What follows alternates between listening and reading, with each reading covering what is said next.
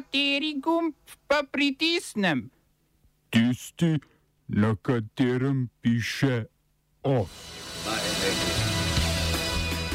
Etiopska federalna vlada po celotni državi razglasila izredne razmere. Na češkem dosežen dogovor o koalicijski vladi. Poživitveni odmerek mRNA cepiva proti COVID-19 priporočljiv za vse cepljene z vektorskimi cepivi. V kulturnih novicah teden slovenske drame o oblikah nasilja v svojih kadrih.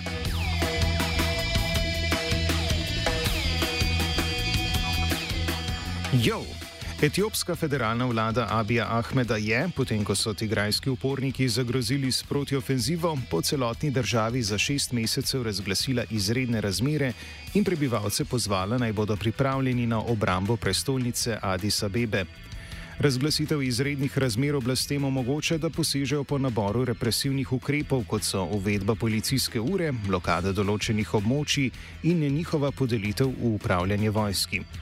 Posameznike, pri katerih obstajajo sumi, da so povezani s terorističnimi skupinami, Abjeva vlada pri omembah Tigrajske ljudske osvobodilne fronte, poznane pod kratico TPLF, vselej uporablja to oznako, pa bi lahko pridržali brez sodnega naloga. Obenem razglasitev izrednih razmer olajša splošno mobilizacijo. Večina severnega dela Etiopije, kjer se nahaja regija Tigraj, je pod komunikacijskim mrkom, zato so poročila o vojaških premikih na terenu izredno skopa.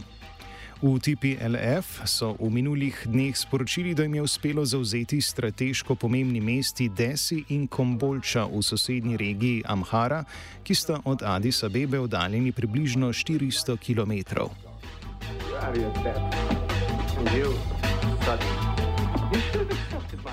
Organizacija Združenih narodov je prav danes objavila poročilo, ki so ga njeni predstavniki pripravili v sodelovanju z Etiopsko komisijo za človekove pravice.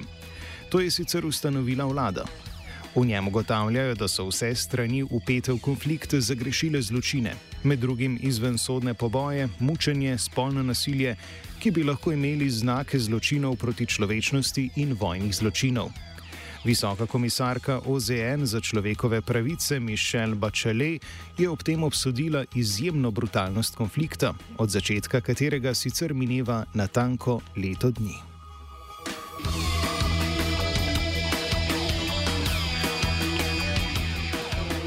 Na češkem sta konzervativno zavezništvo spolu v prevodu skupaj, ki ga sestavljajo stranka Top Nič 9, demokratska državljanska stranka ter krščanski demokrati in liberalno zavezništvo piratov in županov, dosegla dogovor o koalicijski vladi. O osnutku koalicijske pogodbe, ki še ni javen, bodo v prihodnjih dneh razpravljala vodstva petih strank.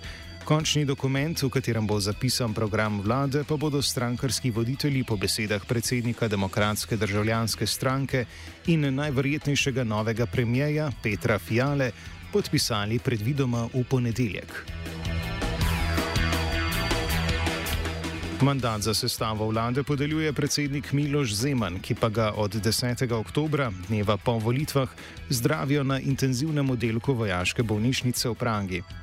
Fiala naj bi se z njim sestal, ko bo Zeman premeščen na navadni oddelek, je pa njegovo zdravstveno stanje še vedno neznano. Prav tako ostaja neznanka, kdo bo sestavljal predlagano ministersko ekipo, ki bo ponovem obsegala 18 in ne več 15 ministrov in sicer na račun novo ustanovljenih ministrstv za zakonodajo, Evropsko unijo in znanost ter raziskave in inovacije. Vlado bo potrjeval 200-članski parlament, v katerem imata zavezništvi večino s 108 poslanci.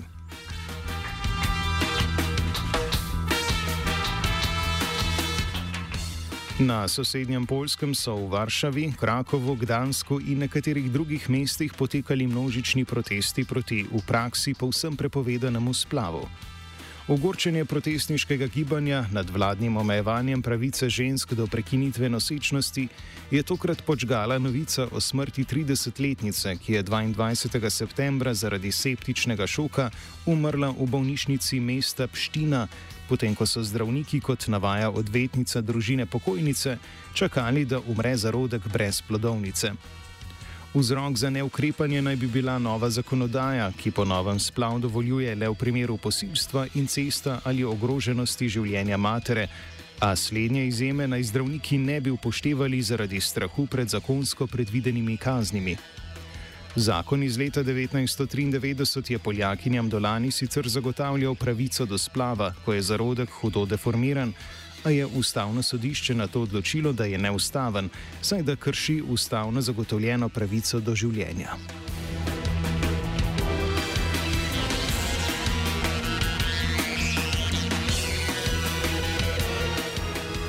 V ameriški zvezdni državi Virginija so voljivci za novega guvernerja izbrali republikanca Glena Jankina, ki je z dvema odstotkoma več glasov premagal demokrata in nekdanjega virginijskega guvernerja Terja McAuliffa.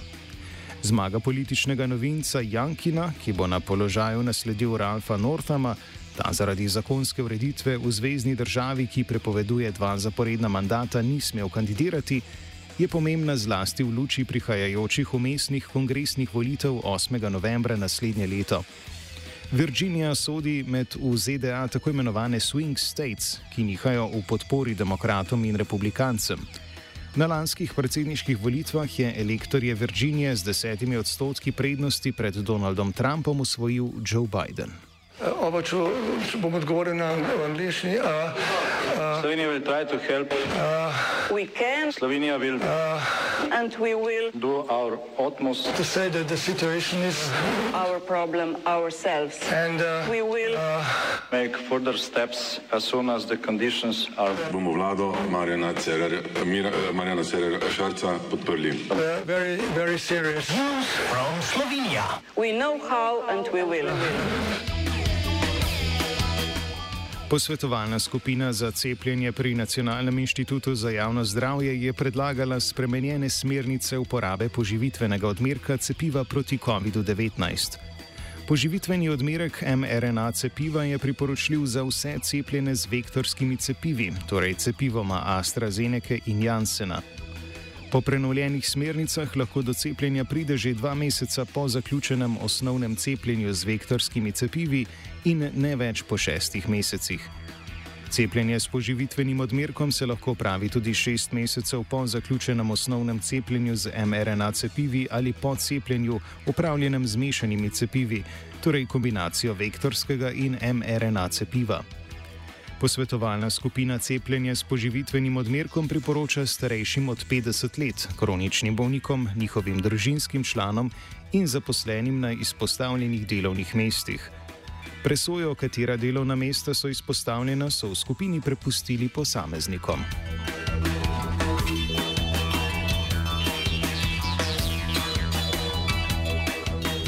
Včeraj je bilo med 7722 PCR testi potrjenih 3456 primerov okužbe z novim koronavirusom, največ v enem dnevu doslej. A do popolnega zaprtja države naj ne bi prišlo.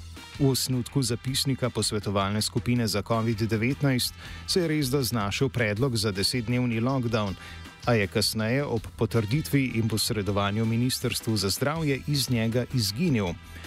Vodja skupine Mateja Logar je zatrdila, da je šlo za napako.